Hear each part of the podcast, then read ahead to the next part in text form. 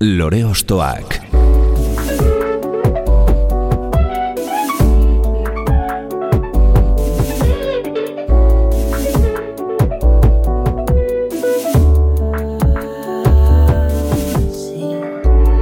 Ekain perezek aurkeztuta, gonbidatu bakoitza lore bat balitz bezala ostokatuko dugu. Jakiteko, zeintzuk diren bere lore ostoak. Opa, zer moduz, ongietorri lore ostoak era. Beste behin, hain emankorra izan den bidasoa inguruan jarriko dugu gure begirada, gaurko gonbidatua, irunen jaio baitzen mila bederatzen da laurogeita amairuan. Folketik karatako, roketik urrunago, bere ahots pertsonalak ezigilu propioa darama, eta doinu lisergiko bezain ilunetan barena eraman gaitu bere abesti ameslarietan barena. Irulan kaleratu ditu dagoeneko eta 2008 batean aurkeztutako emadan diskoari, ikuspuntu berri bat eman asmoz datorrela dirudi orain, hau lore ostoak da, eta gaurko gure gonbidatua, eneritz furiak.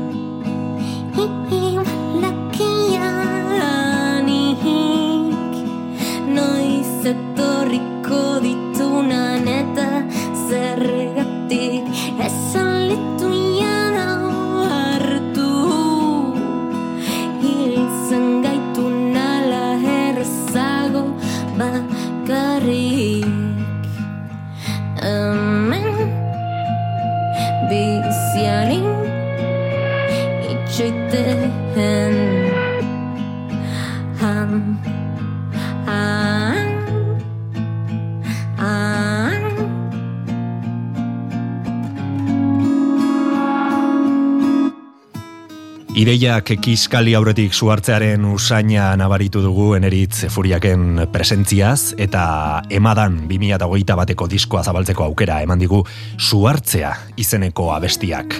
Norbaitek argitu aldizu, zergatik eh, distortxonatzen diren ideiak eta ahotik eskapo egitearekin batera galtzen diren, gauzatu gabe. Ba, ez, aspaldez dut egin disko ni buruz, e, iaia igaro dira bi urte, e, kaleratu nuenetik, baina gogoan dut e, beti erantzuten niola modu batean galdera honi eta uste dut oraindik ere ados nagoela nire duela ia bi urteko erantzun horrekin eta da diskonetan galdera asko daudela eta ez naita ez erantzunak, ezta? E, gehiago dela hausnarketarako gonbidapen bat, bueno, gehiago da musika, besterik gabe, ezta? Baina, baina zerbait egotekotan diskoan galdera asko daude, eta, bueno, erantzutea baino agian interesgarriagoa da galdera horretan beste zer, edo beste galdera batzuk pilatzea, ez? Beste zirrikitu batzuk. Mhm. Ze zer dago suhartzea e kontzeptuaren atzean? E, bueno, em, ondo azaldu duzu, ez? E, zera sinestesiko bada, ez? Baina, bueno, e, sinestesia horrekin jolastu nahi izan nuen nolabait batzuetan, e, kantuetan eta, bueno, estiloaren arabera, edo jotzen da ba, kritika oso zehatzak eta egitera, eta niri gustatzen zait gehiago zerbait mm, bueno, baliatzea norberak bere terrenora eramateko moduan edo, ez, e, utzita. E, eta aukera ematen zidan horretarako, ez? Ba, bueno, gure ideiak edo zein direla ere ba, ea batzuetan e, bagaute gauden nahikoa konektatuta haiekin, e, ba, bizigaren abiaduretan eta bar, e, ba, haiek ba, bueno, apur bat diluitzen hasten direnean, edo kasunetan kiskaltzen, e, ohartzeko horretaz, ez? E, da, jada ez dela urrundu garenik, baizik e, kilometrotara gelitu zaizkigula, ez? Mm, zura alderdi kritikoa ateratzen duzu nola baita, ez? Edo, bueno, em, berakutsi nahi duzu, horrekin? Kritikoa eta, bueno, kritikoa baino esango nuke gehiago azaltzen dela gizakiaren kontra esanen unibertso hori, ez da? Eta asko interesatu zait beti, e, kantuak idazteko, baina orokorrean egunerokotasunan ere oso kontziente naiz nire kontra esanez, eta Eta nahiago dut e, onartu ez, e, kontra esan hoietan bizi garela, ba, xurian edo beltzean baino, e, bai, erakartzen hau horrek, ez dakit. Mm Matrixeko, edo Matrixek irudikatutako pilula gorria edo urdina hartzerakoan, e, zu gorria hartuko zenuke argieta garbi, ez esango nuke? E, hori dirudi, baina zergatik ez urdina ere. Mhm. Momentu bakoitzan agian bat, ez? bai, ziurrenik. Emadan izena du diskoak, eta izenburutik aratago, e, ikaz e, femininoan abestu eta e, sortzearen autua egin zenuen. Ez da oikoena, baina bai izan behar luke naturalena emakume batek abestean, ez?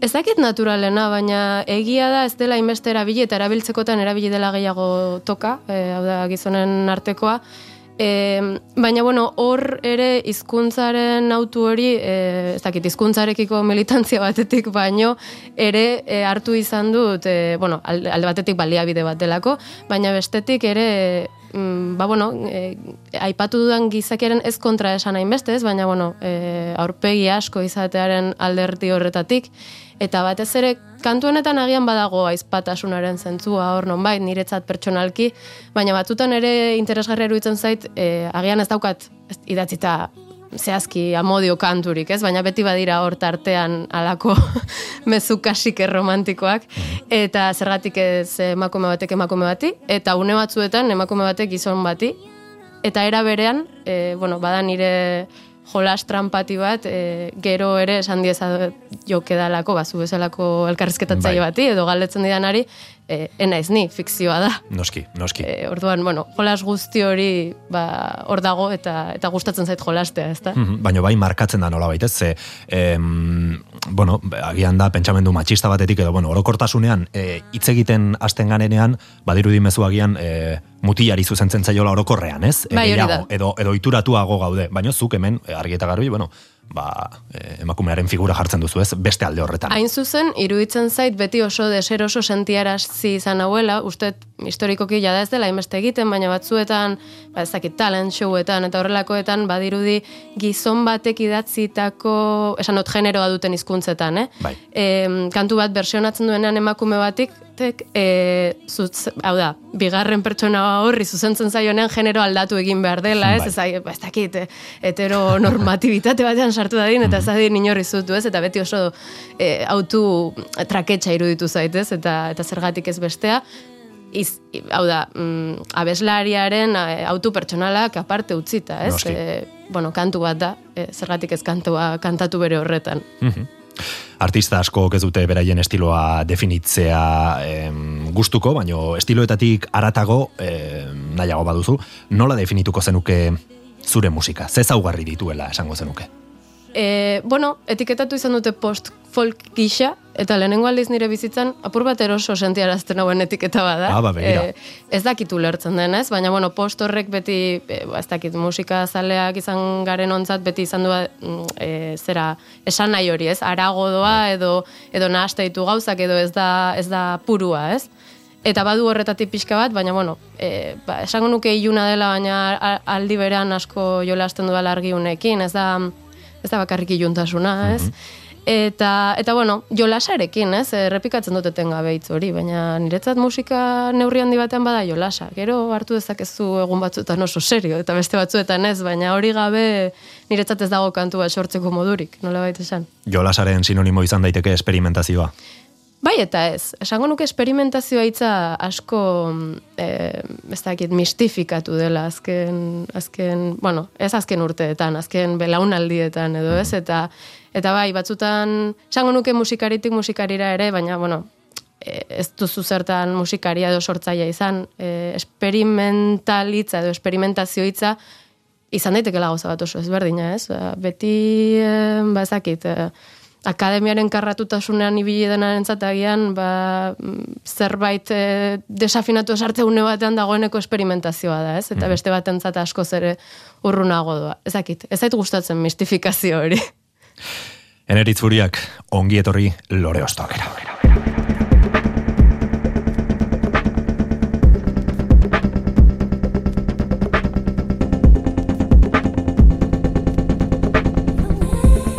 Emadan diskora gerturatu eta gero, zure lorea osatzen duten ostoen atzetik jarri nahi dugu. E, zein da ekarri diguzun lehen proposamena? Ba, moxalen azal gorri. E, egia esan, e, hasi baino lehen elkarrizketa hau, e, aipatu dugu FKA Twix. Bai. Eta aipatu dizut izan zela disko bat oso presente izan nuena emadan diskoa bukatu nuenean, nola baita esan edo bukatzen ari nintzenean, eta justu badut olako playlist pribatu bat, eta FKN Twixen ondoan Moxalen kantu hau dago. Ah. Eta interesatzen zaita asko, esango nuke nik emadan ez, ez nituela horrelakoak baliatu, ez? Edo ez horren beste, baina e, interesatzen zaita asko nola murgiltzen den, ba, ez dakit, pop edo rokean, edo gure inguruko pop edo rokean oikoak izan ez diren erritmiketan, eta bada kantu bat ere mm, gizakiaren kontraesanak azaltzen dituena nire ustez, eta pixka bat tentsioan jartzen zaituena, eta gustatzen zait guzti hori kantuenetatik, eta gustatzen zait orokorrean. Moxalen proposamena e, disko horretan, urrengo diskoa ere maite dut, e, akustikoagoa da eta bar, baina honetan bereziki harritu ninduen, esango nuke, izan dela disko bat mm, igaro dena, e, ba ez dakit nola esan, e, ba, publiko orokorraren arretarik gabe, ez? Eta, eta altxor txiki bat iruditzen zait. Hanot Mintegia, audientz e, taldean ezagutu genuen, musikari gernikarra da, e, proiektu honen atzean dagoena, eta hemen ere badago atmosfera e, iunekiko maitasuna, ez? Mm, bai, zalantzari gabe. Agian hori da erakartzen hauen hain zuzen kantuenetatik, ez da? Bai, zezuk ikusten duzu eta onartzen duzu, ze badago, e, ba, esaterako odei, em, e, rapero, ez, iparraldekoa, e, torri zenean, basaten zuenez, ba, jendeak esaten diola, ba, bere musika iluna dela, baina berak ez duela hain iluna ikusten, ez? Hor, askotan perspektiba kontua izan hori da, ez? Bueno, perspektiba edo bizi dugunarekin konparatzea, ez? De, honetan egia da, bapatean ezakit pandemia izan den, edo bueno, hori aipatu izan didate, baina egia da euskal musika mainstreamak edo, badiru diela joduela argitasun batera, baina batzuetan e, beldurgarriagoa iruditzen zaidan eguntasuna, baina ez, bai. ez diot zentzutxarrean, baina... Fikzioa dirudia gian, ez? Optimismo estremo bat, e, batzuetan e, iruditzen zaidana eramaten hau olako espazio nola deitzen dira. Bueno, ezakit arkitektura irreal eta xuri eta zera batera, ez? Eta Eta bueno, ba begira godeiren musika ez dakit iluna den, baina iruditzen zait gordinagoa dela zentzu horretan, ez? Benetakoagoa eta ez diot e, ez diot mespretsuz, eh, bestearekiko, baina bestea fikzionatuagoa iruditzen zait, nola baita esan. Mm Errealitatea plasmatzen du bere gordintasunean, ez? Bai, egia esan, ode, odeik bai. Noski, errealitate ezberdin asko daude errealitate berean, eta hori ere, ba, bueno, musikan islatzen da, ez? Baino, baino egia da, ba, eh, agian argitasun dosi mm, gehiegi dugula. Bueno, aldatuko da, ez? Dena da aldakorra, orduan, bai, bai, une horretan bizi garela esango nuke. Mm Zaldikatu, 2000 eta emeretziko Moxalen diskotik entzungo dugu beraz, zeneritz furiaken lehen lore ostoa. Hau da, azalgorri. Azalgorri.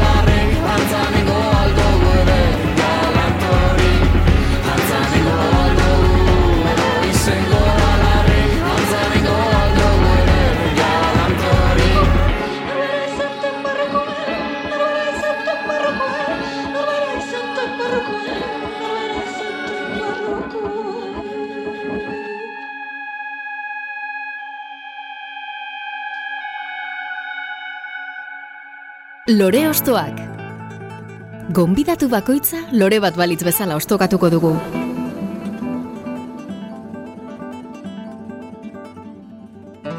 Gernikan izan gara Mosalen proposamena ezagutzen eta norabide zaldatuko dugu orain, nora goaz, eneritz. Ba oso bestelako musika batetara eta gainera esango nuke kontra esanean jartzen duela esan dudana positibotasunari buruz. Zeren kantua da ikusiko dira berriz mai hoien arte kantatuta eta badu positibotasun utopiko bat kantu honek. Mhm, baina, bueno, esan bezala ez, batzutan pilula gorria, bestetan urdina. Ez? Hori da, hori da. dena, dena dosi handietan, ba, ez da ona izanten, ez?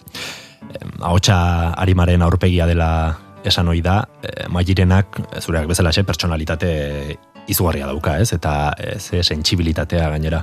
Bai, zalantzari gabe ezakit, egia esan hautatu nituenean kantu hauek, e, ezen izan, ba ezakit nola esan, nire bizitzan zehar e, kan, izan dako kantu kutxunen zerrenda bat hartzea edo, gehiago iraundutenena, ez? Mhm. Eta xelebra iruditzen zait, e, maili hoien arten lana ez dut hainbeste jarraitu, eta baina kantu honek beti iraundu nigan, eta beti iraundu nigan berarekiko liura batek, ez? Mhm. Eta bitxia da, ze kantu honek badu olako jaz puntu bat, baina era berean e, ez da sobera jaz. Hori da, hori da. e, kasik pop e, dela esango nuke, badu topikotasun hori, baina oso oso mez, e, zilegi den mezu bat daukala iruditzen zait, ez? Oso utopikoa, baina E, eta esperantza puntu bat emate dit, baina xelebra da ere bai, e, oso ondo ezkonduko litzatekela niretzat kantu hau e, anim, e, anime romantiko batean. Ezakit sonoritateak diren, ez, hor jaz harin hori bai, den bai. edo zer den, baina bai, bitxia da. Eta gainera badut e, anekdota bat iraiekoa kantu honekin, eta da izan nintzela Georgian, Eurasian, bai, mendian egiten alako begira, musika esperimentaleko e, tailer eta, bueno, residentzia moduko bat, eta hor, topatu nuen abeslari bat, bueno, bera Montpelliekoa da, frantsesa da, baina daramatza ama urte Georgian ba, maite mindu zelako kantu polifonikoarekin emakumeo.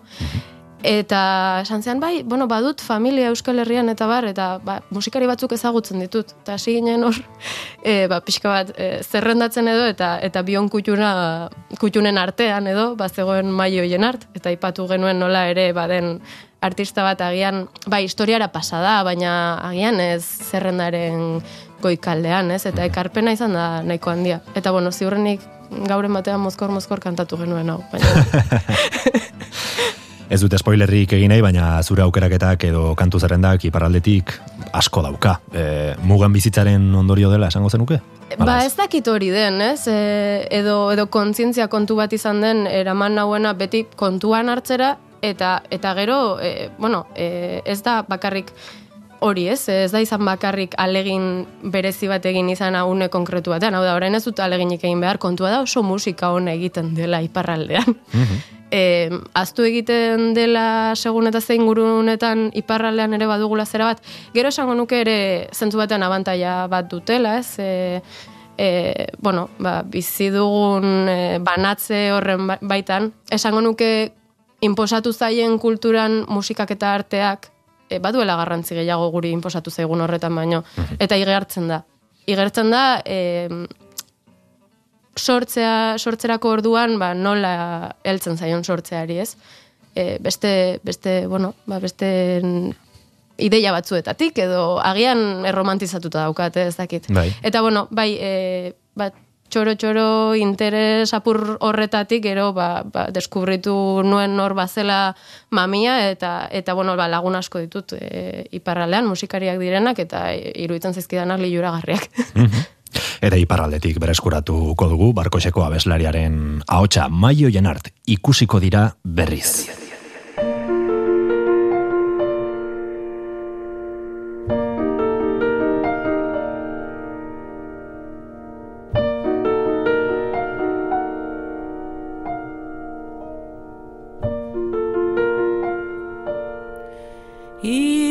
Ikusiko dia beriz osto berdiak igitzen ere kaidorak eriz gere zitziak riritzen ikusiko dia etzik gaia gaiari gogozka milaka kide gaitzetsi justiziaren galdozka. Ikusiko dia laster. Muga elkaitzak apaltzen agian bazterez bazter. Presonegia zabaltzen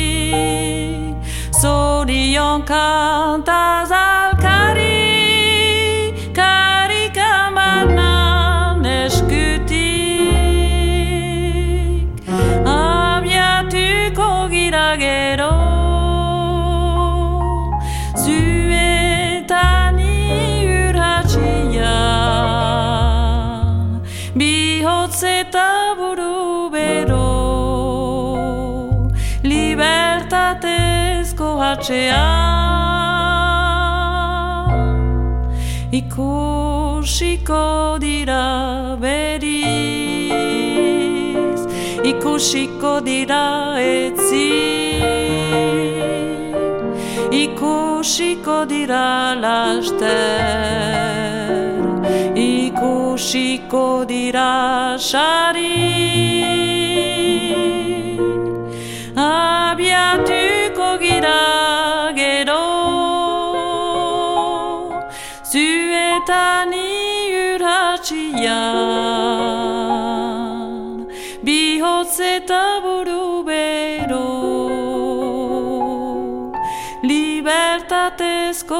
ikusiko ikusiko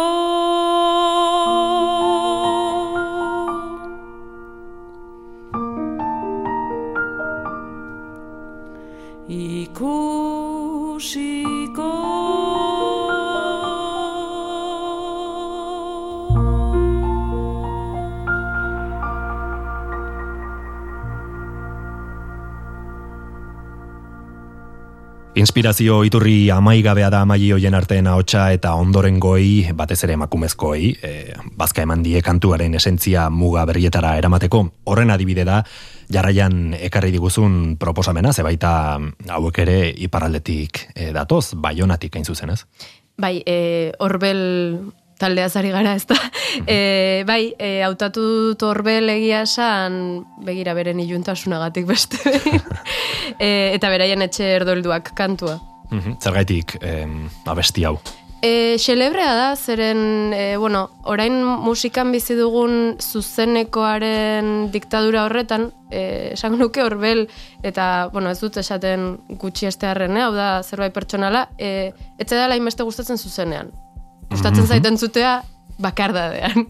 Eta murgiltzea haien, ba, bueno, e, batez ere aurreko diskoko, ba, de, dentsitate zera horretan, eta, eta bueno, e, ba, ezakit horrelako burbuia ba, iluntxo batean aditzea, ez dut esaten zuzeneko ona ez dutenik, baina ez ditut hainbeste maite zuzenean. Iuntasunak agian impactu handiagoa du bakardadean, ez?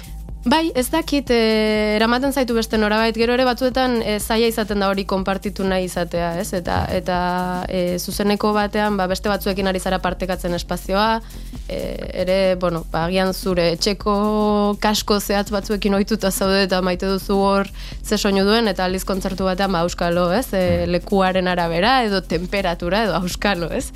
Eta, eta bai, baina, bueno, egia esan maite dut asko kantu hau ere egiten duen olako iruditeria, ba, ez dakit, e, iriarena, baina ez dakit katastrofista den hitza, baina baina zerbait oso, ba, ez dakit, e, narratxa eta iluna eta zikina eta ba, barruraino sartzen zaizun ez eta asun hori daukan zerbait bezala ematen du adirazten dutela, Euskal Zerri buruzkoa den kantua, mhm. baina, bueno, orain bertan ez duelako gogoan letra bai. bera ere. Baina, bueno, bai, hori hori transmititzen du, bai, hori transmititzen du, bai.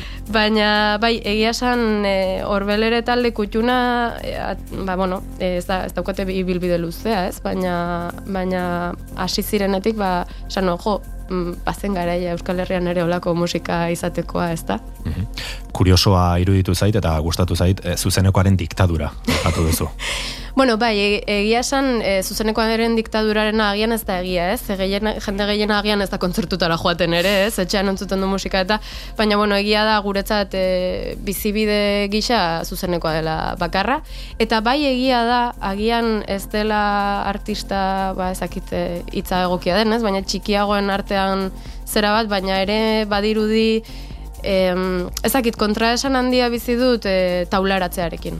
Hau da, mm, ematen du eskaini behar duzula musikatik arago doan zerbait, eta izan daiteke zerbait oso positiboa, baina nire ustez ez duz beti zertan horrela izan, ez? Baitu talde kutxunak nazio artean ere zuzeneko oso oso simplea dutenak, eta musikan murgiltzen uzten dizu horrek, edo askotan haiek ere iaia ez dira ikusten, ez? E, ba, agian argiaren teknikariak ez ditu maite izango, baina, baina bueno, agian besteok bai. Mhm etxe erdoilduak. E, imaginatzera gonbidatzen gaituzte orbelko, orbelekoek e, kantu honetan, orokorrean, portzentai bat e, jarri behar bazenuke hitzaren eta musikaren e, garantziaren artean, nola banatuko zenuke? Gaur egun ez daukat bat ere argi.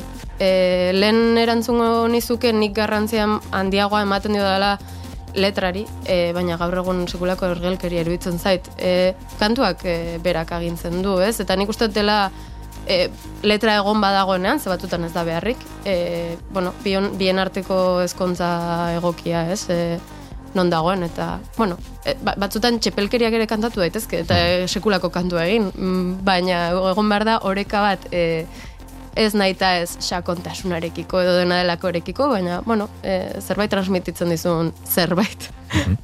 Iuntasuna, beste behin, esan bezala presente, baina sintetizadore eta elektronikaz apaindutazuk. E, elektronikarekin edo sintetizadorekin e, jolasteko tentaziorik baduzu? E, bueno, argi da emadanen e, izan dudala, ez? Eta, eta are gehiago tentazioari, e, bueno, zea, e, nire burua irentzi duela tentazio horrek, ez? e, eta bai, gero eta gehiago egia esan interesatzen zait, e, ala ere, oraindik ere interesan dira dut, e, edo zein motatako, e, bueno, soinua sortzeko moduen e, zera horretan, ez? Izan daiteke instrumentu akustiko bat, izan daiteke sintetizadore bat, edo izan daiteke beste edo zer, E, Ere euriaren soinua, ez? E, bai, entzuten genuen kantu horretan, eta bai, e, euriaren soinua izan daiteke dela agian oso balia bide ba ezakite ohikoa edo simplea, baina baina bueno, e, beste batzuetan agian ez da igertzen eta badaude beste zarata batzuk. Mhm. Ez diruditenak zaratak, baina zaratak dira, ez? Ez da ez da tresna bat. Hori da. Mm Ba, eta emeretziko egan diskoa irekita, eneritz furiak. Ostokatzen jarraitu nahi dugu, hau da, etxerdo hilduak, horbel.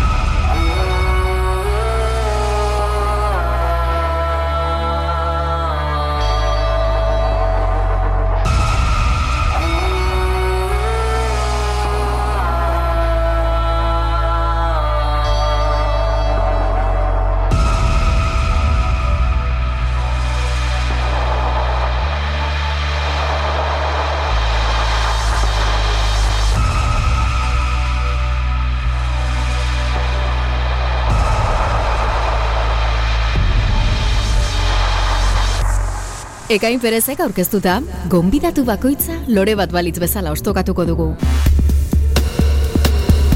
Lore ostoak.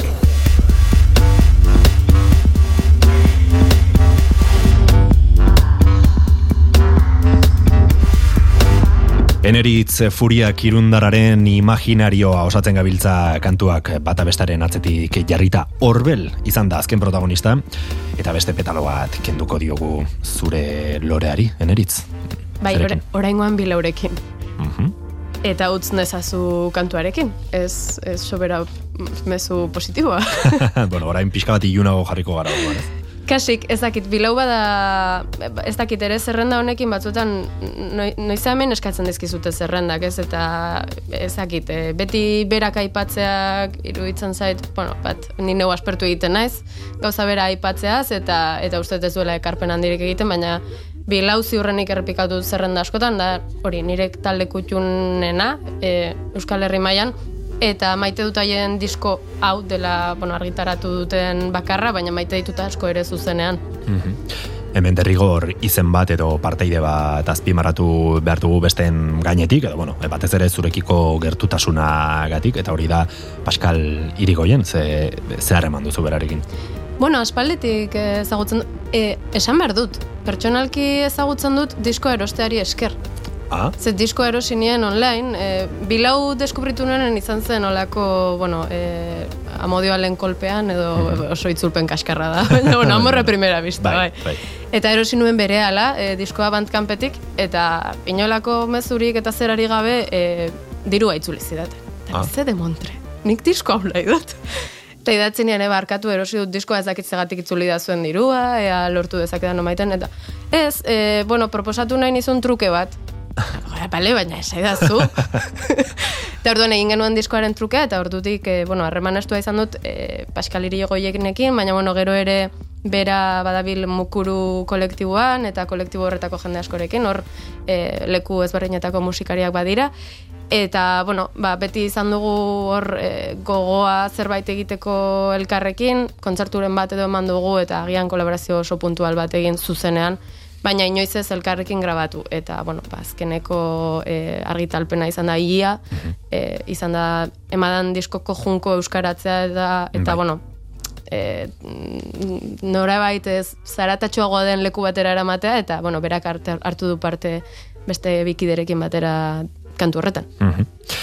Aipatu dugu hitzaren eta musikaren arteko mm, garantzia edo bueno, erlazio osagarri hori eta utz eh, nezazu ekarri diguzuna bestian, behin eta berriz errepikatzen da eh, mezu bera, utz nezazu. Horrek pisu handia ematen dio mezuari, ez? Eta entzuleak atera behar ditu ondorio guztiak, eh, musikak ematen dion sentimendu edo eh, atmosfera horrekin.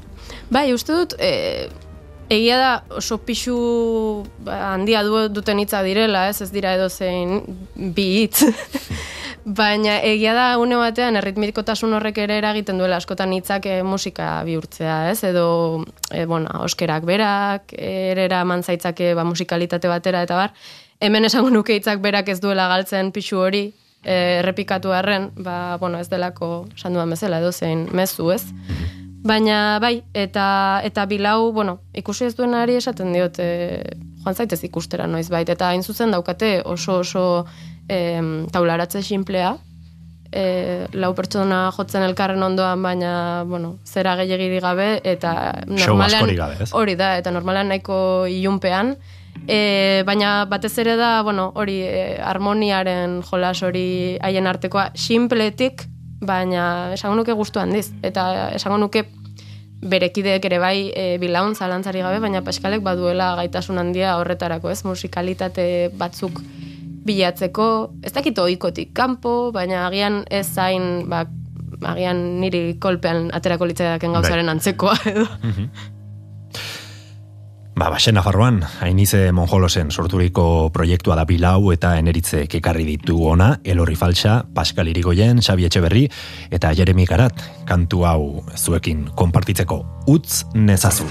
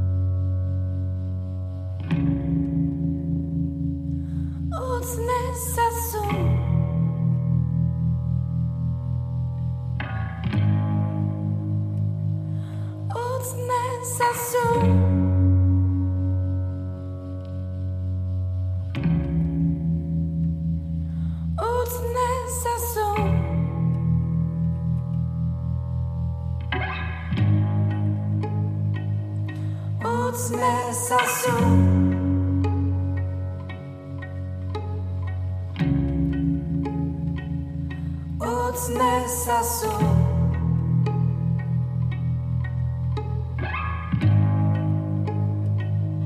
Uzne zasu.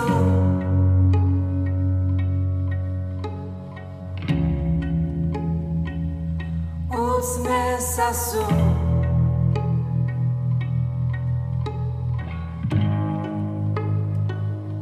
Uzne zasu.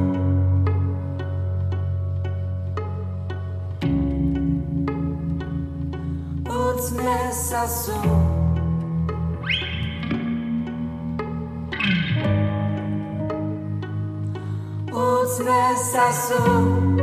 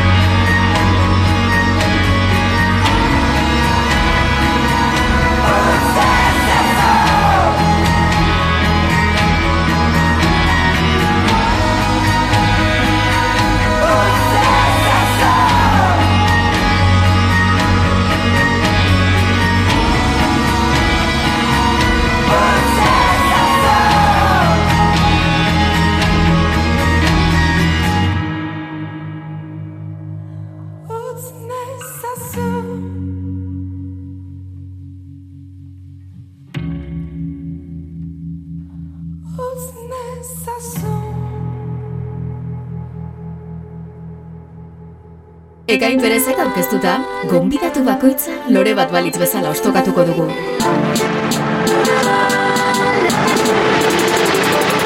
Lore ostoak.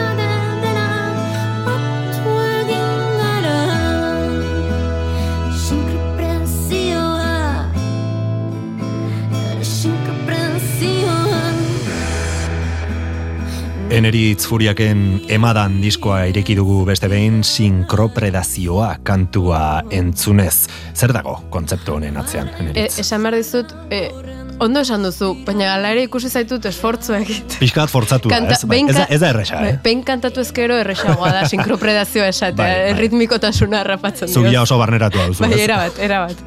Eta zer dago kontzeptu horren atzean? E, ba, bueno, e, kontua da, hemen beste behin musika desmistifikatzeko aukera ematen didala, zeren da Wikipedian topatutako hitz bat. Ah. Bueno, hitz, e, ez dakit kontzeptu bat ez nuen topatu edo, baina batzuetan gertatzen zaitez, e, hemen, ba, nuen nahi bat e, itxasoa erabiltzeko, bueno, esan behar dut ere nahi bat daukadanean gai bat e, bati buruz idazteko kantu baten normalean bukatzen dudala gero txinan, esan nahi dut. Mm, gai bat nahasten da bestearekin eta azkenean aldre besten da guztia, e, onerako edo txarrerako ez dakit.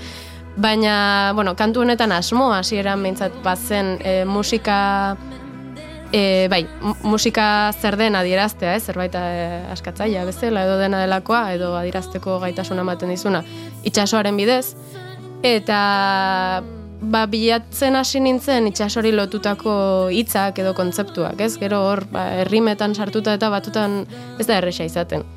Eta batzutan bai, ba, iztegia izaten da, edo Wikipedia, edo liburu bat, edo dena delakoa, eta mm, topatu nuen kontzeptu hau ziurrenik etzen zehazki sinkropredazioa horrela esan da, e, gainera ziurrenik beste hizkuntza batean zen, baina bai, e, kontzeptu hori non arrainak, e, hau da, arrapariaren e, ba, otordu bihurtuko diren arrai txikiagoak batuta, ba, nola egin dira zaioketen aurre edo eraso arrapari handiago horri, ez? Eta, bueno, bada irudi bat asko asko erabidena, bueno, gaina, ez dakit, egon bazara Berlinen edo, balkoietan eta jende asko izaten du jarrita, ez? Kontzeptu hori, ba, bueno, handiak e, txikia jatearena, eta, bueno, ba, kolektiboarena, eta bar.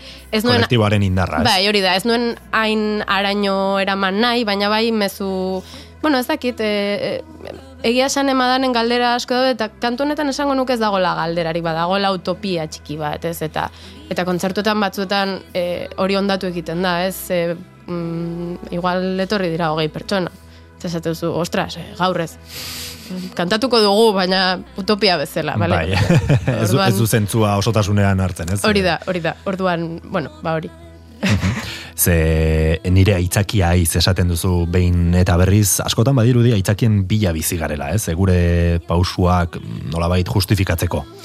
Bai, bai, bueno, gizakiaren beste, ez dakit, eh, ergelkeria edo akats moduko da, ez? Behar dutugula olako, bueno, e, seinaleren bat, ez? E, nonbait, e, ni neu ateoa naiz era bat, baina ohartzen naiz ere batzuetan badirudi dela, ba ez dakit ez dakit, eh, jainkoren batek edo bidali behar didala alako seinale berezi bat, ba, benetan pauso eman dezadan gauza batzuetan, ez? Eta, eta bai, hemen hala ere aitzakia iz esaten nuenean, e, bazen asmoa ba, musika bera erabiltzeko, ba, bueno, kasu honetan, eta nire kasuan pertsonalki musika, baina izan daiteke beste- dozer, ba, laguntzen dizuna nolabait, e, mezu hori bidaltzen, edo, edo adirazten, edo, edo askatzen, ez? Eta, eta bai, nire aitzakia ez, itxasoari lotuta, baina, bueno, uinak musika balira bezala.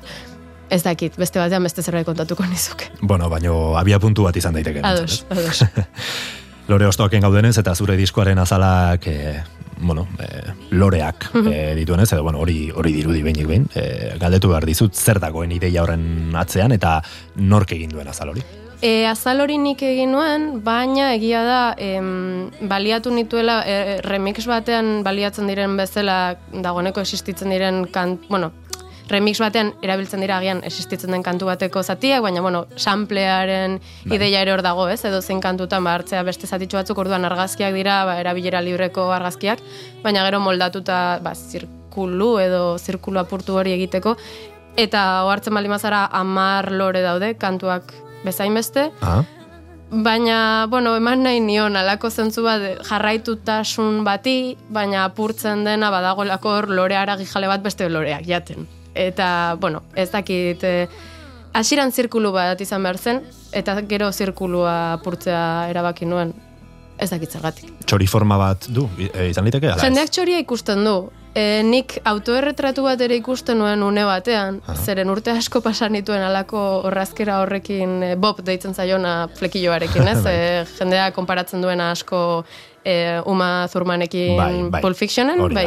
E, eta badu pixka bat hori albotik ikusita horrazkera horrek egiko lukeen itxura, ez? Baina, baina bueno, ez dakit, e, autoerretratuarena erabili izan dut, batzuetan, baina gero denbora igaro ala ez da zerbait eroso sentiarazten nagoena. Eta zer orain hile luzea daukadalako eta flekillorik ez. Baina eh, hor dago, nola baita esan. Eta pilula gorria hartuta, emadan diskoari pieza laburronek ematen dio izena.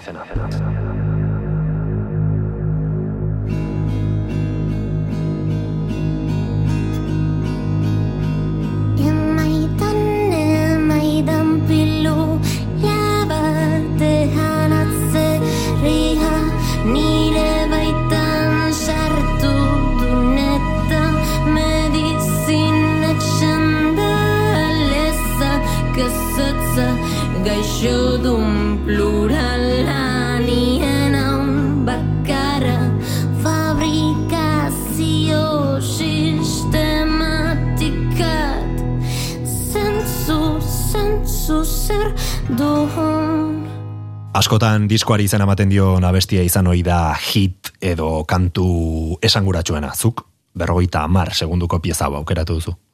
Bai, baina aldi beran niretzat bada kan, diskorretako jita.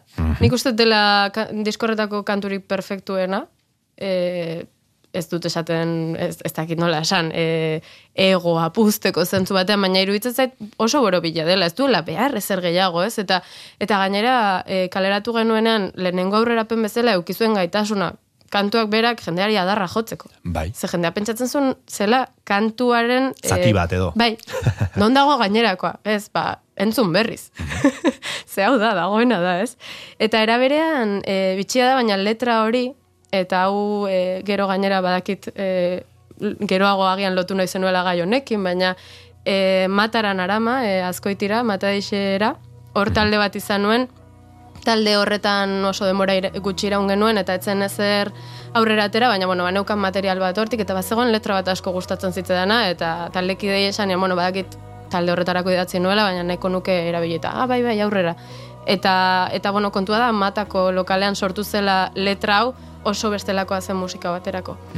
Baina gustatu zitzaidan nola adirazten duen kasik, e, bueno, ba, distopia baten e, egoera bat, edo ez dakit e, oso egokia den hori, baina bueno, hortik doa. E, baina oso modu, bueno, poetikoan edo ez dakit.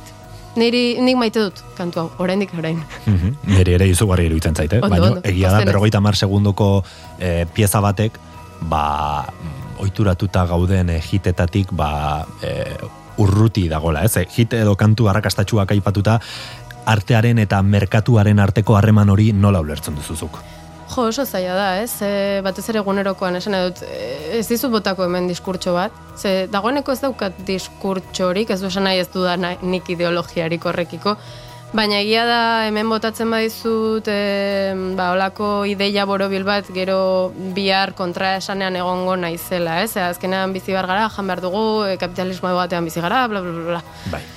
Orduan oso galdera zaila iruditzen zait. Eta uste egunerokoan erantzun behar zaiola em, egunerokoan esan nahi dut zentzu praktikoan e, diskurtsotik baino. Hau da, bai egongo da jende bat, e, diskurtso koherente bat eraikitzeko gai dena eta eta ausnarketa sakon bat egin, baina uste dut nire kasuan e, orain esan dut kanpotik, hau da, ulertu zau agian ez dela egunerokoan islatuko, ez? Em, oso ideia potolo bat botatzeak ez lukela ezertarako balioko. Bai.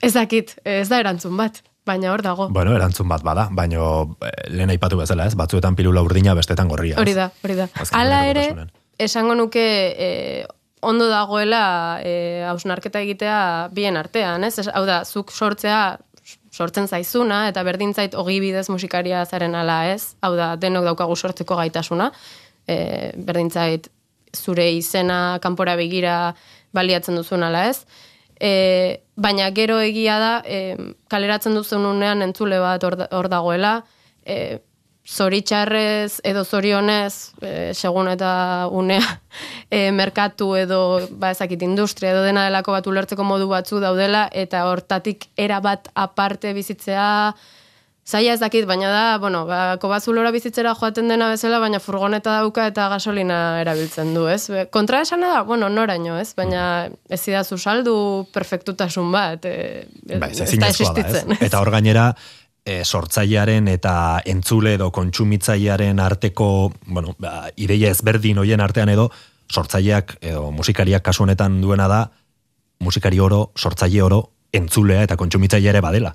Bai, hori pentsatu nahi dut, egongo da ala ez denik, ze, bueno, atzo bertan, e, ba, nengoen, ba, gehiago musika klasikoarekin zer ikusi daukan jende batekin, eta kontatzen zidaten nola beraien kezka handi bat zen, e, musika klasikoko ikasleak askotan ez zirela sekula joaten musika klasikoko kontzertu batera, ez? Baina hor ja ez dakit zer den gurutzatzen dena.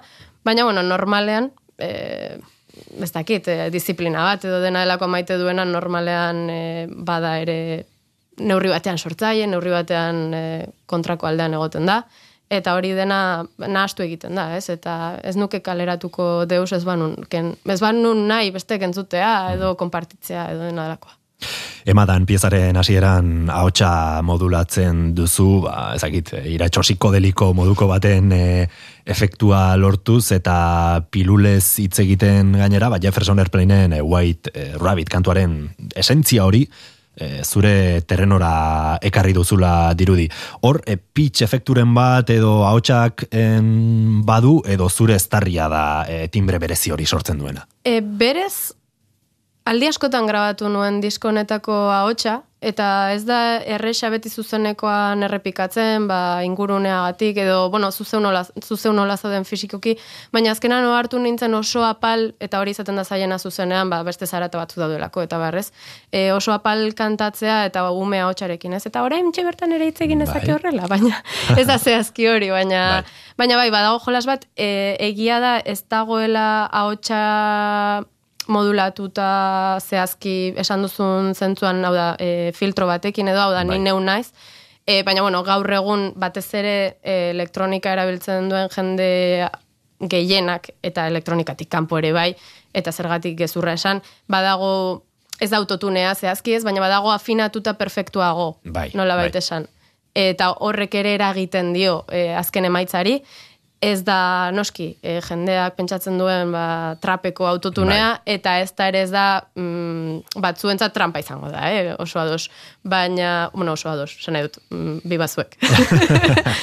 Baina, bueno, batez ere sintetizadorekin eta lanean ari zarenean, ahotsa pixkat irrealagoa den e, terreno batera eramateak ere e, ba, ematen dio beste osotasun bat kantuari, ez ahotsari, bezik e, osotasun horri, ez? Eta hori badago hor, e, perfektura eramate hori une batzuetan e, ahotsaren intonazioa nola baita esan. Jarrai dezagun, eneritz furiak ostokatzen. Gonbidatu bakoitza lore bat balitz bezala ostokatuko dugu.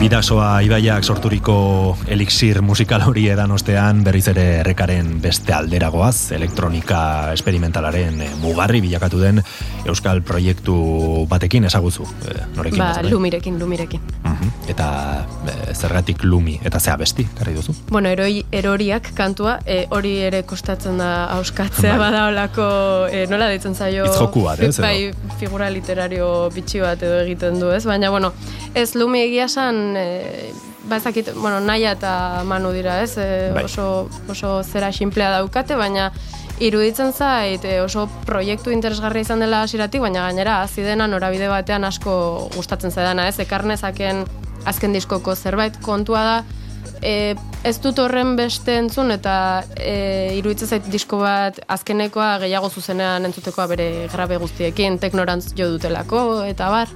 E, baina bueno, aurreko diskoa ikaragarri pila entzun nuen, eta, eta bueno, gustatzen zait, e, jo, ez dakit, agian tentsioaren zale bat naiz, ez? Baina kantu honek ere badu tentsio bat hor azten joaten dena, eta ematen duela ba, norbait atzetik, du, atzetik duzula eta ies egin behar diozula, ez da? Eta badu, badu giro hori kantu honek. Hemen ere bada behin eta berriz errepikatzen den emezu bat hurbiltzen ari dira, ez? Bai, bai, zalantzari gabe. Aipatzen duzun, ba, norbait eh, jarraitzen Bai, ari begira, enintzen zentzu horrekin, ez? oroitzen letraz ere, baina baina gogoan nuen... E, Sentsazio hori, ez? Bai, edo irudi hori, ez da, e, dela pixka bat, bai, etorriko dira, baina nortzuk eta zer. E, nortzuk baino gehiago zer etorriko da, eh? Misterio hori, ez? Bai, e, eta bueno, egia esan e, gustatzen zait ten, tentsioa bai letretan eta bai musikan baliatzen denean, e, orduan, ba ez dakit, gust, agian sufritzea gustatzen zait, ez dakit. rock edo folk formatuan eroso sentitu gara urte askoan, baina sintetizadore eta bestelakoek, ba, lauro gehioko amarkadan bezala, pixu asko hartu dute gure ingurunean, orain arte gitarrak zeukan protagonismoa eh, ez baian, edo jarriz lumik, folk eta elektronikaren arteko muga hori murriztu duela esango zenuke. Bai, baina, bueno, e, agian naturala da ere bai, ez? E, esango nuke, ba, bueno, askotan instrumentu akustikoetan esperimentaziora jotzeak, e, bueno, e, badituela bere muga ertxiagoak, ez? Edo agian eskatzen dizu, e, pf, ez dakit, e, azterketa edo ikerketa oso askoz ere sakonago bat egitea, ez? Eta hor, Gainera, bueno, Euskal Herrian ez dakit zergatik, ez? Mundu mailan oso ohikoa bihurtu da, e, bueno, eta izan da urteetan zehar modularrekin aritzea, eta bar, orduan orain manu horretan dabil baina naia ere bai, e, ahotsekin asko jolasten du naiak luperrarekin, hori. eta bar, e, eta, eta azkenean oso kombinazio atsegina sortzen dute, atsegina esaten dut zeren ezagutzen dut, hau da, lumi entzuten dudanean, e, egiten duten oraingo estiloa, ez agian naita ez kantu honetakoa, e, ez nioke gomendatuko hainbat laguni, baina egiten duten uztarketa horri esker bai gomendatuko niekela. Esate baterako nire aitari ez nioke bidaliko eta entzuten dute, ez e, tekno iluneko disko bat bere horretan, fram, e, ez, agian gozatuko du, baina ez da agian lehenengo gauza bidaliko niokena, eta lumi bai, eta gaina gustatzen zaio, bide batez. Ah, begira. Beraz ezen adibide soil bat. Ez, Egiazko ez, bai, adibidea zen. Bai, e, hau da, ba- baditut e, frogak. Bai. Baziburu eta Donimane loitzune artean sorturiko Lumi Bikoaren doinuak beste behin lore ostoaken itzaltzikinak 2008ko albumetik entzungo dugu Eroi Eroriak.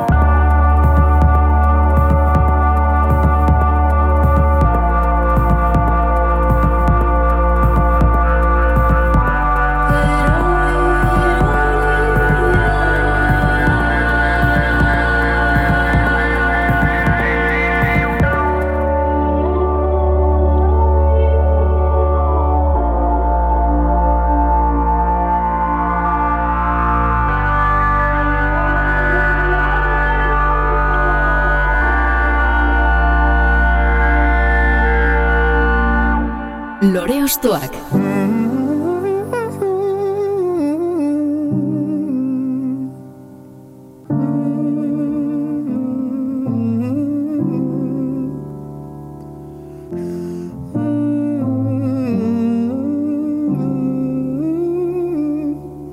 Hogeita bat garren mendean izan gara orain arteko kantutegi guztian, baina irurogeita marreko amarkada bukaeran emango ditugu Borrengo pausuak, zer entzutera gonbidatu nahi gaituzu. Ba, Antxon Balberde lauaxetaren itauna kantatzen. Mhm. Eta zer gaitik, abesti hau? E, bueno, egia esan, miresten dut Antxon Balberde, e, iruditzen zait, badela eredu horietako bat, non agian, e, jo, ez, esan nahi dut, e, nola baita esan, e, virtuosismotik kanpo, ez, emozioak eskaintzeko gaitasun handia izan duen musikari bat dela iruditzen zait, eta oraindik orain ere horrela, horrela dela, gainera zuzenan e, iruditzen zait batzuetan asko sufritzen duela. Ikusten duzu hor borrokatzen pianoarekin eta kantatzearekin eta guzti hori, baina la ere azkenan transmititzen du, ez? Eta, bueno, era berean, e, ba ez dakit, ni musikan gehiago sartu nintzen e, hasieran idazten nuelako, oso gaztetatik idatzi dut, eta gaur egun, ba, agian lau eta ez zait interesatzen, baina baina aurra nintzela asko liuratzen ninduen mm, idatzi zuenak eta bar, eta, eta bueno, kantu hau bada holako iruditzen zait, e, ez duela galdu egunerokotasunik bere poema horrek eta kantu honek, ez? E, azkenean ez da, ez da inbeste garai bateko isla, ba, ez dakit lau poema gehienetan, ba, bueno, gehiago dago ba, berriarena, jainkoa, ez dakiz. eta kantu honetan da zerbait oso humanoa, ez? Aipatzen duena, orduan, bueno, kantu honetan, poema honetan. Mhm. Eta Antxon Balberdek nora daraman, ez, ba, bueno, e, drama txiki hori, ba, asko gustatzen zait eta asko entzun izan dudan kantu bat da. E, ez da nigan, bastakit, gutxiagotu edo, bai, hazi egin da. Mhm. Zure kabuz egindako deskubrimendu bada, John Balberde bera, edo kantu hau, edo etxean guraso etxean bazen, kantue. Bai. bai, etxean bazen diskoa, eta, eta bueno, etxean beti izan da e, zaletasun handia literaturarekiko, eta, eta bai, e, etxetik datorkit, e, maitasun hori, gehiago esango nuke literaturarekiko, musikarekiko ere bai, baina egia da, ba, bueno, e, bereziki zela literaturarekiko, eta bai, Antxon Balberderen diskoa hortzen, eta eta bueno, asko entzun nuen, eta zirronik asa apurtuta dago asko entzutegatik, eta bai. Behar duen bezala. Hori da. baduzu, baduzu une konkreturen bat edo, e, kantu hau entzutean, ba, e, garaiatzen zaituena bertara edo. E, ba, egia esan ez, esango nuke gainera umetan, umetan edo, disko hau entzuten nuenean agian gehiago fijatzen nintzela beste kantu batzuetan, honetan baino. Eta helduagotan kantu honek heldu izan hau agian ez dakit bihotza apurturik izan dudan batean edo horrelako zerbait. Gehiago ulertu duzu, ez? Ulertu baino e, lehuratu nau horrek, ez? E, horrelako poeta ba nahiko markatu batek ideologikoki eta bar e, jotzea holako, bueno, galdera kasik filosofiko oso gizakiaren zera batera ba, edo nork ulertu dezakena. Ez oso unibertsala dena, ez? Eta bai, ez dakit, gogandutu daren batean, e, lanen batera bidean e, asko entzuten nuela, ez? Eta, eta gustatzen zait kontra esan hori ere, ez? Ematen du dena zorion txor, txoriak kantatzen, uda, surferoak, ezaki zer, eta neritzen zuten itauna. On, repeat. Esango zenuke zure abesteko moduak baduela irurogeita amarreko amarkadako kutsu hori? Esango nuke ez baina ez dakit zerren kutsua badaukan. Bai sentitzen naiz oso identifikatuta Jon Balberderekin eta ziurrenik bera da ni baino milioi bat aliz musikario bea. E, dela, bueno, e, virtuosismotik kanpo ere egin daitekela musika atxe, ba, ez dakit atsegina ez, baina bueno, e, ba, norbaiten gana helduko dena ez. E, jo, agian agian maten du pixka bat ankerra, ez? E, Jon Balberde jartzea ez virtuoso bezala, ez? E, esan nahi dut, iruditzen zait agian ez dela e, ba, ezakit, e, pianista hoietako bat ba, suitzan ikusiko duzuna e, ba, ez dakitze auditorio eta besterik bai. gabe horretaz ari naiz ez dut gutxi esten bere gaitasuna noski. Baina bueno, elkarru lertzeko. Espero dut berak ez entzute hau. Ze, bestela, lasai, be, bestela barkatu eta Antion Balberde maite zaitut bibazu. E, Kolaborazio bat egiteko prest. Hori da. Bueno, ba, guazen, mila beratzen deruro gaita emezortziko lauaxeta diskoa zabaldu eta itan, itauna kantua entzutera. Zuekin, Antxon Balberde.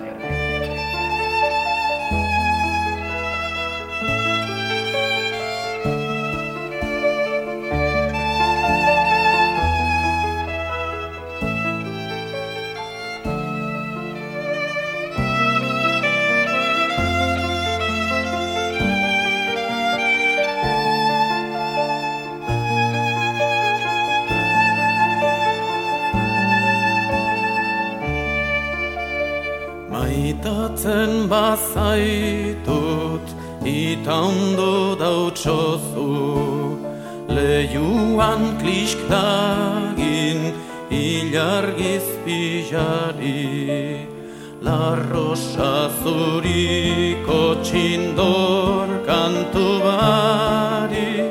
Itzartu ezinik gabai garo. dozu Asiari ta ondo dautso zulegunki Berak baina jolas dagi zeure urian Bete dakixezer isarren unian. Mosu dagitzu begustijak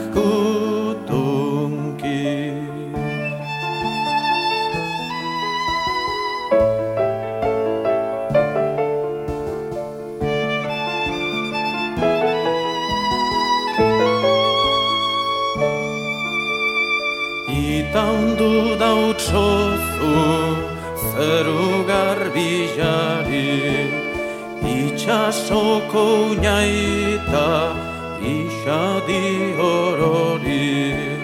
Maitasun horretzaz baina maite hori. Ez dautsozu itandu zeure bijotzari.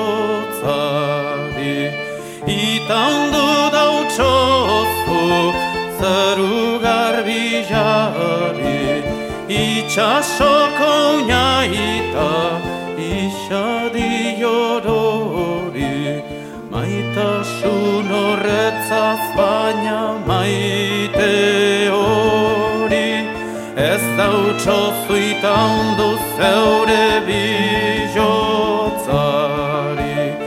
Itandu dautsozu zeru garbijari Itxasoko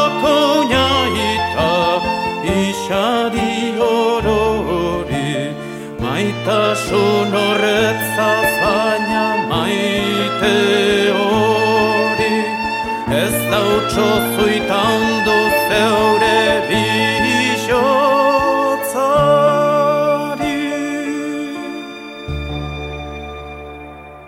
Lore ostoak.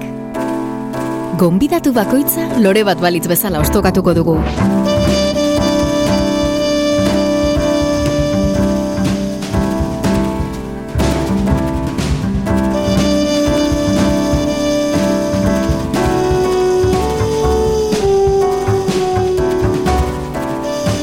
Aipatu dut lehen bidasoa ibaiaren elixir musikala, irun miriaz gain bera herriak ere edaten duena, ze punturaino eragin duela esango zenuke zure musikan irungoa izateak?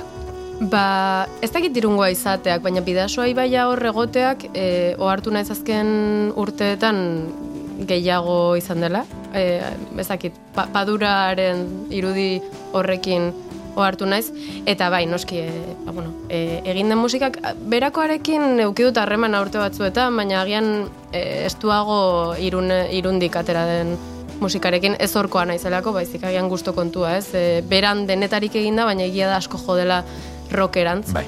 Eta, eta bueno, urteekin ba, nire interesa bera ohartu naiz ez zigoala norabide horretan, ez? Eta, eta bueno, ba, bai, e, gehiago irungoarekin, ez? Mhm. Eta horrekin lotuta aurrengo proposamena, ez? E, bai, egia esan, esan behar nuen, e, es- esan behar dut gatazka izan nuela hemen. Zen nahi nuen proposatu zerbait irungoan nirekin lotuta, kasu Bai. honetan bai, ez du. E, eta erantzun erresa zen Lisaboren ezarian diskoko zerbait proposatzea, nire disko kutxunetako bat delako, baina hori dagoeneko askotan epatu dut. Oso ikusia dago, ez? Bai, eta orduan jo nuen sagarroi gana eta bihotzaren minan kantura. Mhm. Eta non imaginatzen duzu zure burua lehen aldiz hau entzuten? Ba, ez dakit ziur. Kontua inigo muguruza nire gitarra irakaslea izan zela. Aha. Eta, eta bueno, eh, esan behar dut ni oso ikasle txarra nintzela. Eta bera oso anekdota kontalari fina. eta niri noski interesatzen zitzaidala gitarra ikastea, baina esan, esan behar dut, e, naiz eta agian bere klaseak ez izan, justu ba, musika eskola batean batzutan topatzea dituzun struktura e, ertxioietakoak e, ikasteko modu, ba, ez dakit, e, oiekin ala ere ez naizela inoiz ongi moldatu, ez? Gehiago e, aurreko batean asko gustatu zitzaidan, ez? Ematen du denok e, izan bargarela oso konstanteak gauzetan eta eta topatu nuen youtuber bat, eta honek ez dauka inolako zer ikusiri guzti honekin, ez? Mm, Baina bai. asko gustatu zitzen eta agian norbait emango dio esperantza. youtuber bat esaten, bera, bueno, e, ba, ez dakit, nola esan, eh? oso pertsona inteligentea eta gauza asko egin dituena bizitzan, eta bar, baina bera hartzen zela ez, zuela bar, balio e, eguneroko jarraitutasun horretarako.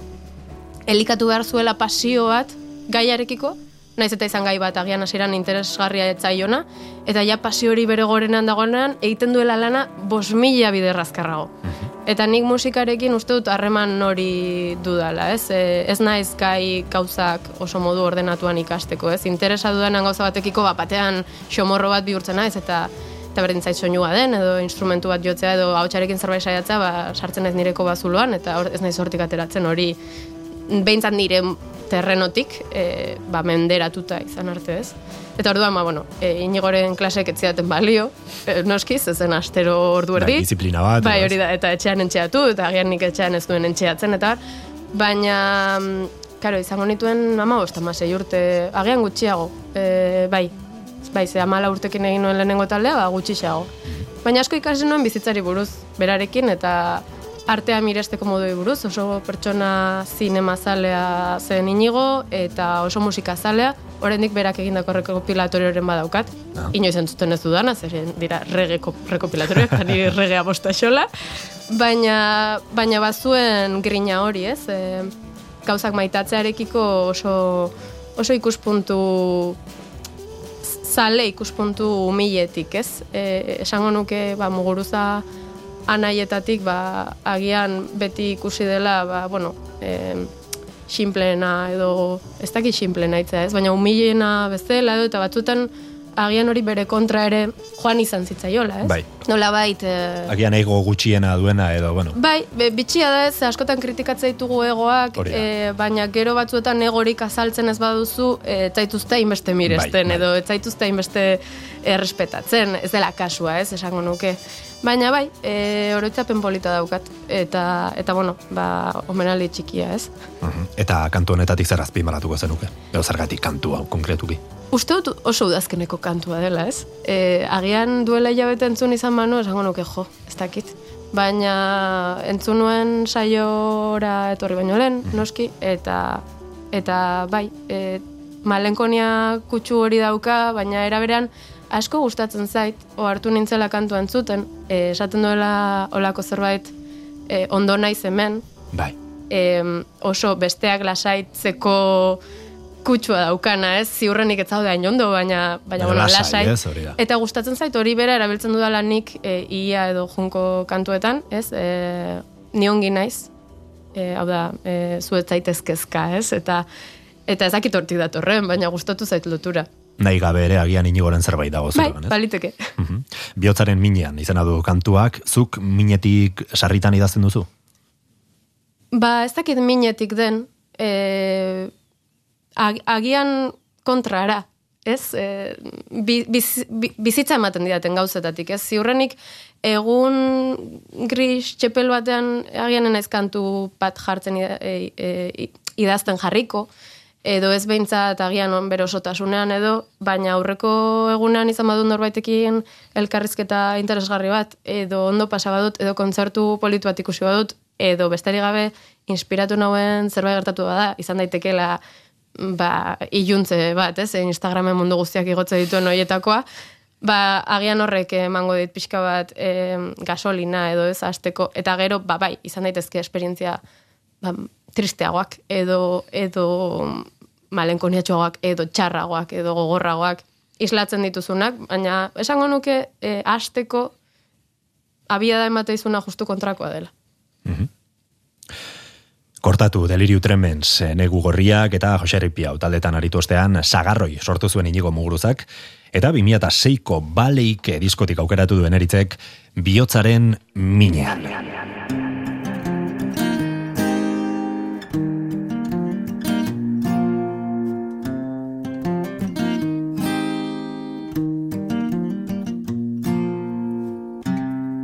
Jack Nicholsonen filmean bezala Barkuan eldu ginen Arratxian Adiskide minazko elkartu gara.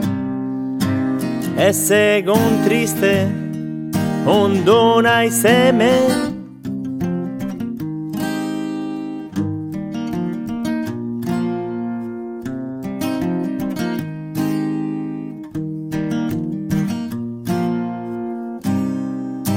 Pilota partiduak ikusten ditugu. Zagardo botila fresko batez Hemengo janariak ez duango minik. Lasai egon ondo naiz hemen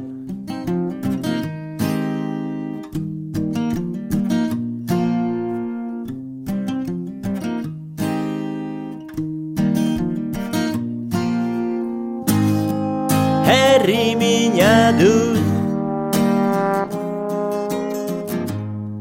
Baina mesedez ondo bizi.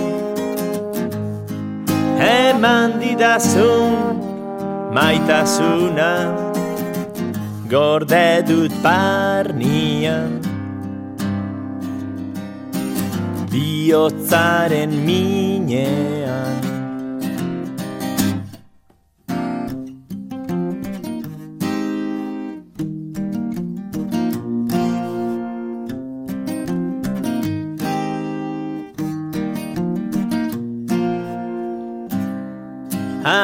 De servizio Aitzen dut oian. Bidean zaudela Pentsatzen dudala. Hemendik minik Arrez dezazula. Arduratuko naiz Zure ondoan naiz eta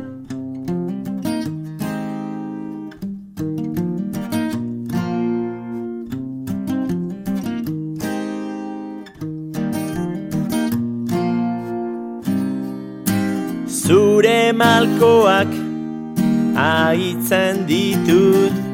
Orain banua Unkituta nago Bezarka handia.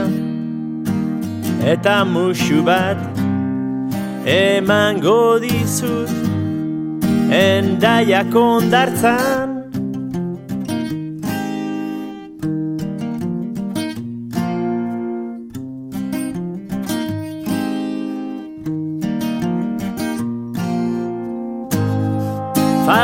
botzen zaitut. Baina mesedez Ondo bizi Eman didazun Maitasuna Gorde dut barnian Herri mina dut Baina mesedez Ondo bizi Eman didazun Maitasuna Gorde dut barnia Biotzaren minean Lore Ostoak Zarata, distortzioa eta soinu industrialak orain mekarri diguzun urrengo proiektu honen DNAan daude eta musika konbentzionalaren arresia apurtuta e, beraien espresio artistiko bilakatzen dituzte. Nortzuk dira, hauek eta zergatik ekarri dituzu? akauzazte, nola ez, e, beraien putreak aragizur kantuarekin. E, ba, egia esan, esango nuke, bueno, gustoko, musikan gustoko ditudan gauza asko aragiztatzen dituen talde bat dela, ez? E, akauzazte, e, eta gainera beti ibili direla beraien beraien modura egiten gauzak eta ez dakit e, talde misteriotxoa iruditzen zait eta xelebrea zeren e, bueno, lehen esan dut e, azkoitean izan nuela talde bat matan eta eta partekatzen genuen e, em, entxegu lokala haiekin eta e, han izan nintzen lehenengo egunean e, bateri joleari dela gero ian parte hartzen duen uso Bai, galdetu nion, zer da hau? Zer da gauza hau, zer da tramankulo, eta esan zen, akau traste? Aka- o- kautraste. Bai, ziren alako, ba ez dakit zerra batzuk, eta eta engranai han- handi batzuk, eta elkarrekin jarrita zarata sortzeko. Ba, pentsatzen dut eh, kontaktuzko mikrofonoekin, edo, bueno, oso ohikoa esperimentalaren munduan, eta horrelakoetan, baina ez nekien, eh, eta akau traste, eta, eta esan nuen, e, bueno, vale, e, guai, e, entzun behar dut talde hau, ez, ez, esango nuke agian ezagutzen nuela izena edo, baina ez niola agian hainbesteko arretari jarri. Eta katxelarria zeren horrelako musikak nazioarteko taldeenak eh, asko entzun ditut.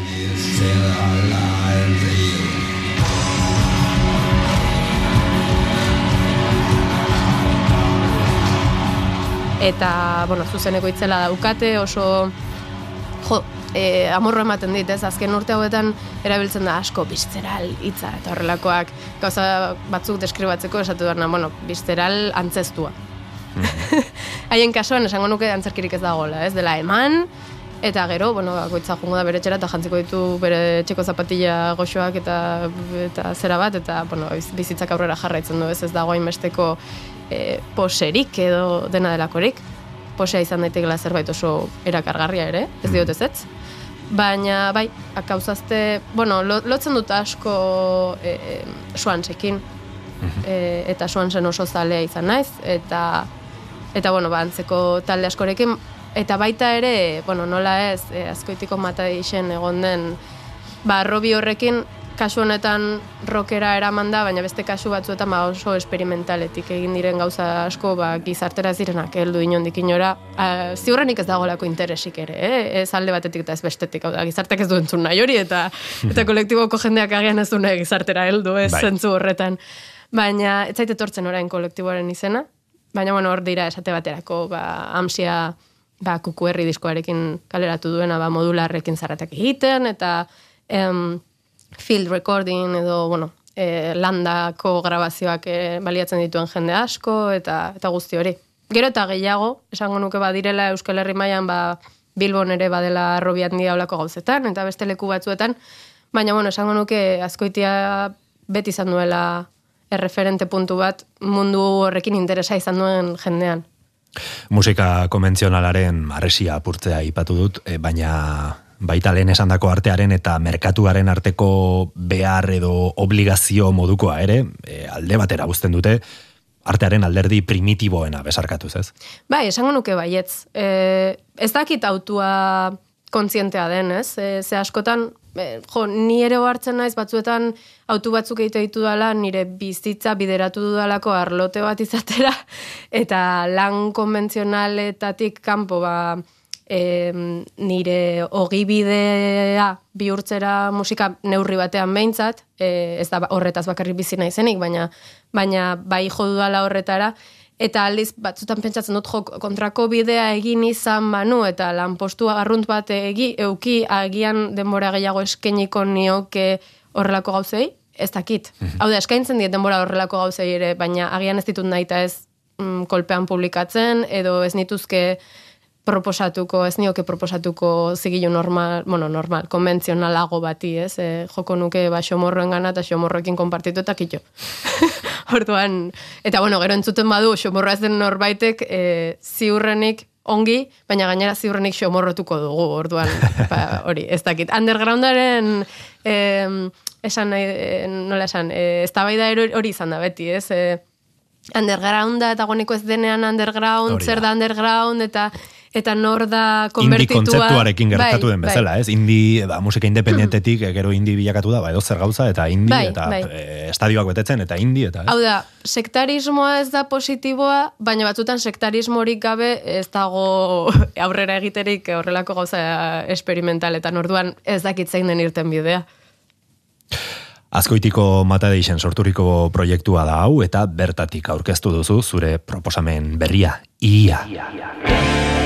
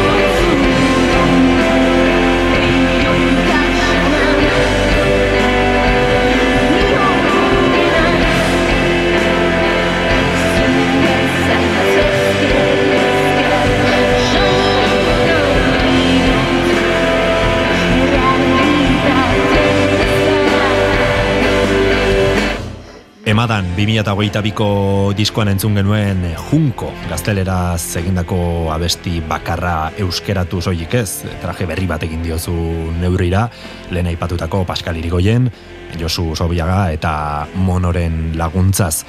Hori bakarrik ez, videoklip oso eder batekin aurkeztu duzu, eta akauzaztek irekitako bidari jarraipen amanez, azkoitiko e, mata deixe da bide honen abia puntua. Konta iguzu, nola gauzatu den aldaketa edo bide berri hau, edo e, bueno, e, eskaintza puntual hau, eta ze asmo dituzu. Bai, ondo esan duzu eskaintza puntuala, zeren e, ez da izango bide, e, izan da, bueno, olako bidaia bate egiten duzunean bezala nora betera, eta gero itzultzen zara, eta hor gelditzen da bidaia horren akordua, eta ziurrenik ez inoiz gehiago itzuliko, agian bai, eh, ez dakit. Baina besterik gabe izan zen, bueno, lehen aipatu dut, e, uso gaur egun rotaldean aritzen da, e, talde bat izan genuen, etzena, bueno, aurrera atera nola baita esan behintzat publikoarekiko, e, mono irazi, bueno, irazi taldekoa eta beste talde batzuetakoa nire teknikaria izan ohi da eta askoetan, askotan diskoetan ere, bueno, emadanen eh, esate baterako azken asketak eta eta masterizazioa berak egin zituen eta baina zuzenekoetan ere nirekin aritzen da eta Pascal Irigoyeni buruz ere hitz egin dugu. Hortaz, bueno, bada jende bat ba, nire inguruan e, ibili dena edo ni beraien inguruan hobe esan, e, beti mire, miretxe ditut egiten dituzten ba, autu musikalengatik eta eta bueno, ba, musikarekiko daukaten ba, ik- ikuskeragatik edo nola baita esan, eta bueno, ba, horrek eragiten du, ez gogo bat, ba, noiz bait egin beharko genueke zerbait, eta askotan iruditzen zait, e, mugar, mugatzen gaituztela eh, ba, e, etorkizunera begira konpromiso bat egin behar izatearen ba, zera hoiek, ez?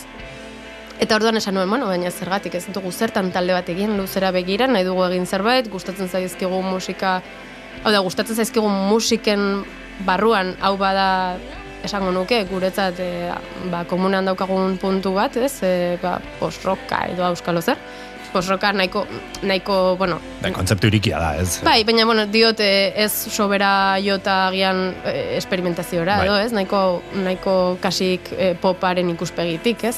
E, eta zergatik ez egin gauza bat gustora galditu horrekin eta jo. E, eta hori egin genuen, ez? Eta bueno, ba, aurkeztu genuenean kantua ez erabili nuen nola modio efimeroaren kontzeptua, ez? Eta eta ondo dago, eta pozik nago. Bizitzan behin behintzat egin dut zerbait beraiekin, e, aurkeztu du dioguna publikoari, E, eta bueno, e, kantua grabatzeaz gain, ba, proposatu nien bideoa egitea, eta hor ba, badator sartu zen badator estudioa tartean, e, eskatu nien egia esan oso proposamen simple egin nien, eta izan zen, bueno, e, mate deixe izan daiteke elkargune aproposa, ba, daukan simbologiagatik niretzat, baina baita ere daukan estetikagatik, e, eta eta e, digute erabiltzen. Orduan lokalizazio badaukagu, e, zuzeneko faltsu bat izango da, hortik aurrera egin nahi duzuena daukagun e, aurrekontuaren barnean. Eta bueno, ba, bideoa ikusten duenak ikusiko du ez dela bakarrik e, taldeko zenbatzen ari naiz buruz lau gara, ez da? Eske, hau gertatu zait lehenago ere, ezakit Ez da doituratua, ez, formatu horretara, eta... Hori izango da, bai, makillatzaileari ere uste dut, esan niola pos gara, bai, ezakit badudan hor dislexia numeriko bat edo lako zerbait, baina bai, zenbatzen ari nintzen buruz ea zen baginen, lau gara, bai. Bai, hori da. Bideoan behin behin, bai, esango nuke. Bai, bai, hori da. Ez, eta bueno, egia esan grabatzen eta eta nahasten eta bar ere bai mono eta biok aritu ginen, orduan, bueno, hor e, aparte sartu zen gero badatorreko ekipoa eta eta beste jende bat noski.